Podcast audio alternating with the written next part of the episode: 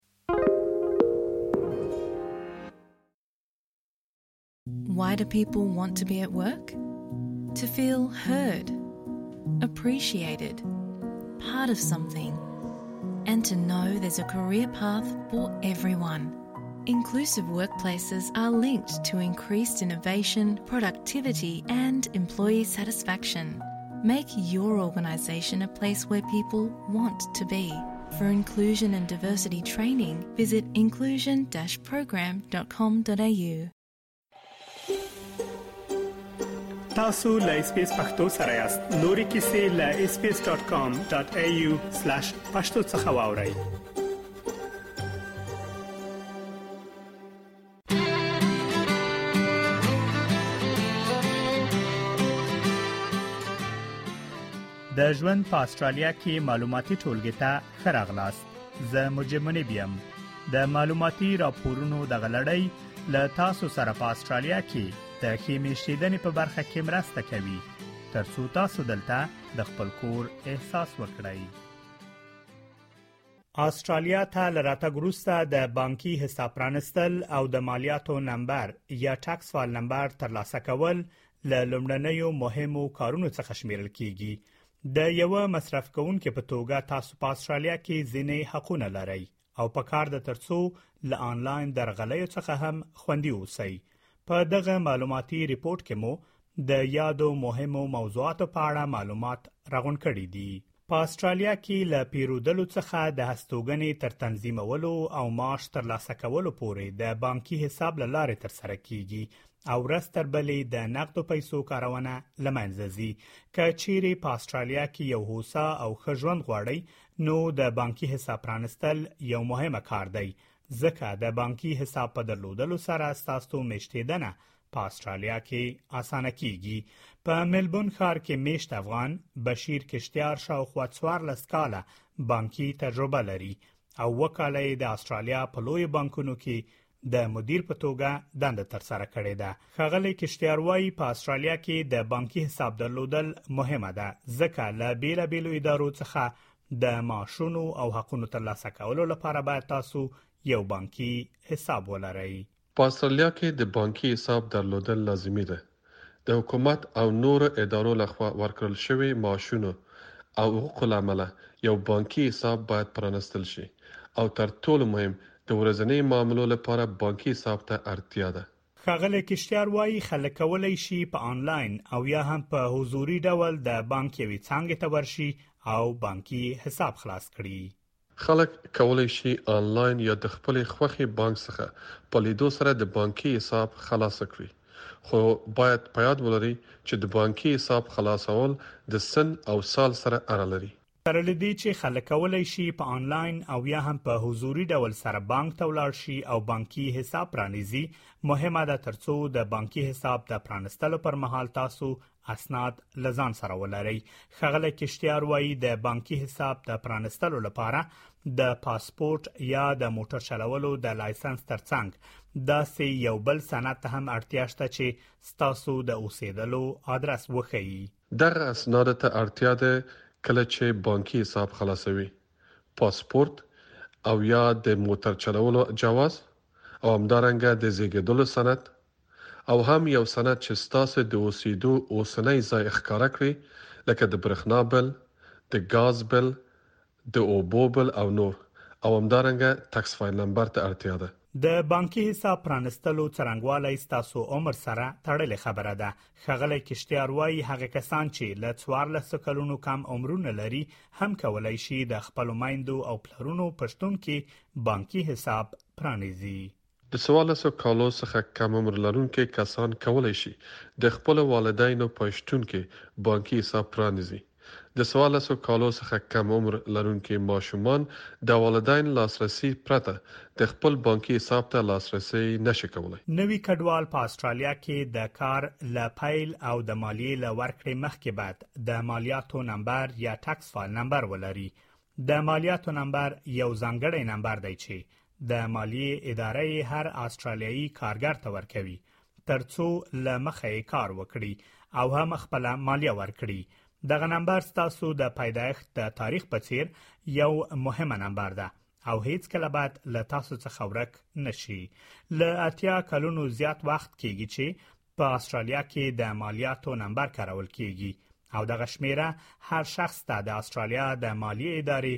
د کمشنر لخوا ورکول کیږي د بي ډي او په نامه د مالی او محاسبه ادارې مدیر ګنر ګبش وایي د مالیاتو نمبر یو مهمه وسیله ده ترڅو حکومت وکولای شي د خلکو له عایداتو څخه په عادلانه ډول مالیه راغونډه کړي د مالیاتو له انستیتیوت څخه سټیفني سیرټس وايي، هغه پیسې چې حکومت له خلکو څخه په مالیې کې اخلي، له هغو څخه ښه ګټه پورته کوي. اغلې سټیفني وايي، که چیرې تاسو کارګومارونکي ته خپل د مالیاتو نمبر ورنکړئ، نو دوی کیدای شي له تاسو څخه ډیره مالیه واخلي.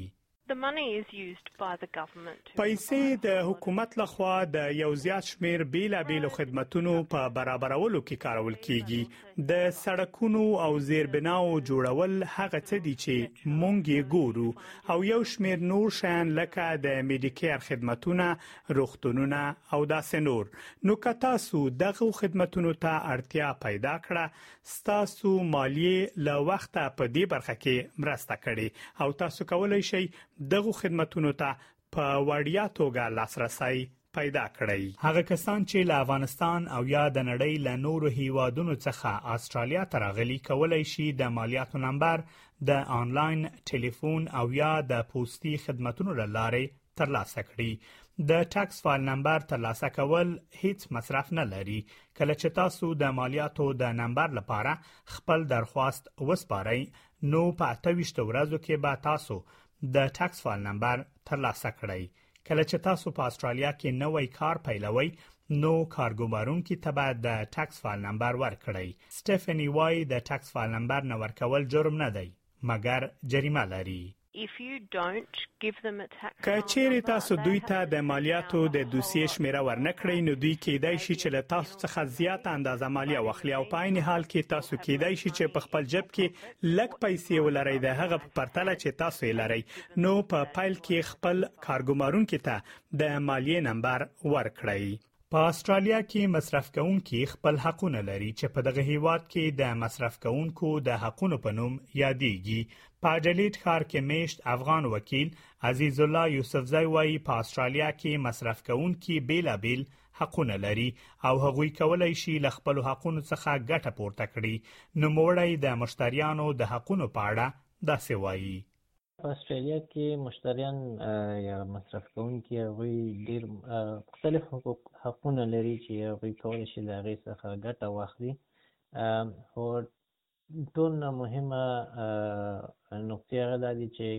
کله چې یو کس یو استرالیا کې یو مال اخلي نو هغه کې دوی د لپاره کې ګارانټي وي عموما ګارانټي سره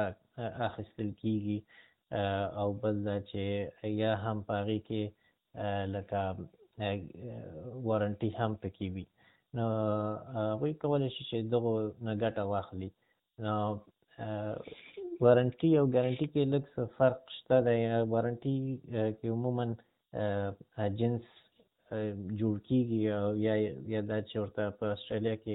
ریپیر کیږي بیرته ورکول کیږي هماغه جنس ګارنټي کې بیا دا وي چې هغه جنس ورته تبدیلیږي په ځای بل ورته ورکول کیږي ښاغلی یوسفزی وایي هغه کسان چې نوي استرالیا ته راغلي او دلته د شیانو یا خدماتو ترلاسه کولو پر مهال تړونونه لاسلیک کوي هغوی ته پکار ده ترڅو د تړونونو له لاسلیک مخکې قراردادونه صحیح ولولي ترڅو په راتلونکي کې ورته ستونزه پیدا نه کړي او بل دا دی چې کله چې موږ یو قرارداد اجرا کوو فرض د مثال د ټلیفون لپاره د برق لپاره د موټر اخیستلو لپاره یا داسې نور شیان چې دي هغې کې ځکه چې موږ پیسې پې لګوو نو بیا هغه خپل بیل بیل قوانین لري نو دې لپاره لازمي ده هغه خلک چې نوې استرالیا ته راځي او په دې قانون خپل د حق او حقوق نه نه دي خبر هغوی د کوشش وکړي چې د قراردادونه په خسته ور سره ولولي ترڅو چې هغوی ته څه مشکل بیا پاینده کې پیښ نشي هغه کسان چې نوی استرالیا ته راځي او له خپل حقوقو څخه ناخبره دي هغوی تر نورو زیات کېدای شي زیانمن وي په اډیلیډ ښار کې افغان وکیل عزیز الله یوسفزی زیاتوي چې دا بیلابیل لاملونه لري نو د دې لپاره کېدای شي چې ډېر مختلف دلایل وي خو ټول نه یو عمده دلیل دا وي چې هغه خلک چې افغانستان یا داسې نورو ملکونو نه نه وای اسټرالیا ته راځي هغوی د خپل حق یا حقوقو نه خبر نه وي نو کله کله داسې وشي چې هغوی یو شی واخلي او هغه خراب پریوزي خراب وي یا دا چې خراب شی پې خرڅ شوي اوسي نو هغوی بیا بیچارهګان ځکه چې د خپل نه حق حقوقونه نه دي خبر نو اکثره همداسې پریدي یا یې له ایسته اچوي یا بیرته شکایت نه کوي نو هغوی همدغه یې ډېره عمده وجه ده چې هغوی د خپل حق او حقوق نه نه دي خبر نو همدې لپاره مهم او ښه به دا وي چې هغه خلک چې نوی اسټرالیا ته راځي خپل ملګرو یا دوستان نه د خپل حق او حقوق په باره کې پوښتنه وکړي او بل هغه خلک چې دلته میاشت میشت دي هغوی سره د خبرې وکړي او قرارداد د لاسلیک کولو نه مخکې که چیرې تاسو په استرالیا کې خریداري وکړئ او تاسو د هغه شي یا خدماتو له کیفیت څخه خوښ نه یاست نو تاسو د شکایت حق لرئ خغله یوسفزای وای په استرالیا کې مختلفې ادارې شته چې مصرف کوونکي کولای شي هل تخپل شکایت ثبت کړي بله هغه خلک چې یو سامان واخلي یا دا چې خپلې پیسې په یو شي باندې ولګوي او هغه یې نه خوښ نه وي، نو هغوی کولی شي چې مختلفې ارادي ادارې دي چې هغوی سره په تماس کې شي او هلته شکایت خپل وړاندې کړي د مثال په تور موږ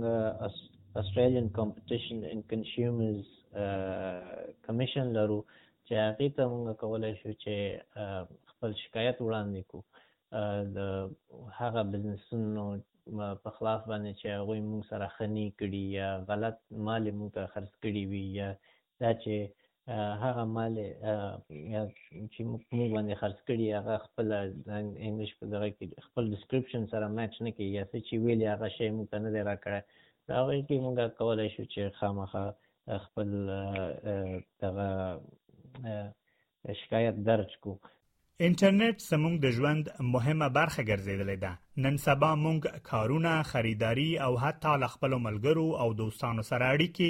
د انټرنیټ له لارې پر مخ وړو. که له یوې خوا د انټرنیټ کارونه د زیاتېدو په حال کې ده، بلخوا د انټرنیټي سرغړونو او درغلیو پېښې هم په زیاتېدو دي په سویلي استرالیا کې د سایبری امنیت د برخې متخصص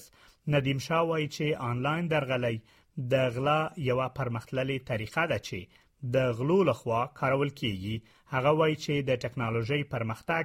د درغلیو امکانات هم زیات کړي دي چې په بیلابیلو ډولونو سره تر سره کیږي ته نه درغله یو پرمختګ طریقه دا چې لغلو لخوا استعمال کیږي د ټکنالوژي پرمختګ درغله امکانات زیات کړي دا در درغله مختلف اقسام لري ډیر اساسي درغله له ټلیفون او انټرنیټ لاره کیږي نوی خبره شوی امر خي چې استرالیان په هر لسو دقیقو کې د سایبری بریدونو راپورونه ورکوي او سایبری جرایم د استرالیا کاروبارونو ته هر کال نږدې 10 میلیارډ ډالر زیان رسوي انټرنیټي غله د لویو کاروبارونو ترڅنګ د استرالیا عام اوسیدونکو هم په نخښه کوي ندیم شاه وایي چې انټرنیټي غله په ټولنه کې په نویو خلکو پسې ګرځي ترڅو معلومات ورڅخه ترلاسه کړي انټرنیټي درغل نوې خلکو پسې ګرځي چې معلومات ورنه ترلاسه کړي که تاسو ته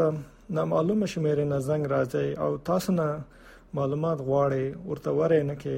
ترسو ونه پیژنې خغلی شاه وایي چې د ټلیفون او ایمیل له لارو هم درغلۍ ډیرې شوي هغه وایي چې انټرنیټي غله له خلکو څخه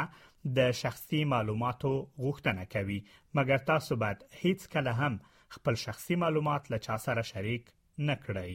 په استرالیا کې ټلیفوني او ایمیل درغلۍ ډیر زیات شوی دی ټلیفون لارې زنګونه راځي وایي چې مونږ پولیس یو خپل معلومات راکې خپل معلومات را ترانه کې مونږ راځو پولیس ثانې ته وړو او کله کله زنګونه راځي چې تاسو لاټري ګټلې اس خپل بانکي معلومات راته راکړي چې موږ پیسې درته ویلګو استرالیا کې شخصي معلومات ډېر مهمه ده هیڅ کله خپل شخصي معلومات او بانکي معلومات چاته ورنه کې کې کار دی ورک شي بانک ته لاړ سي کې رخصتای وو آشنا ملګری نه ملګرتیا وغواړي چې کار دی غیر فعال کې له انټرنیټ لاره که چیرې تاسو فکر کوئ چې تاسو شخصي معلوماتو ته انټرنیټي غلو لاسرسي پیدا کړئ نو تاسو کولای شئ د مرستې لپاره 1300 323 992 شمیرې سره په اړیکه کې شئ د انلاین غواخونو لیست د سټي سمارټ انلاین پر ویب پاڼه لیدلای شئ ډیره زیاته مننه چې تاسو دغه ریپورت ته وګورئ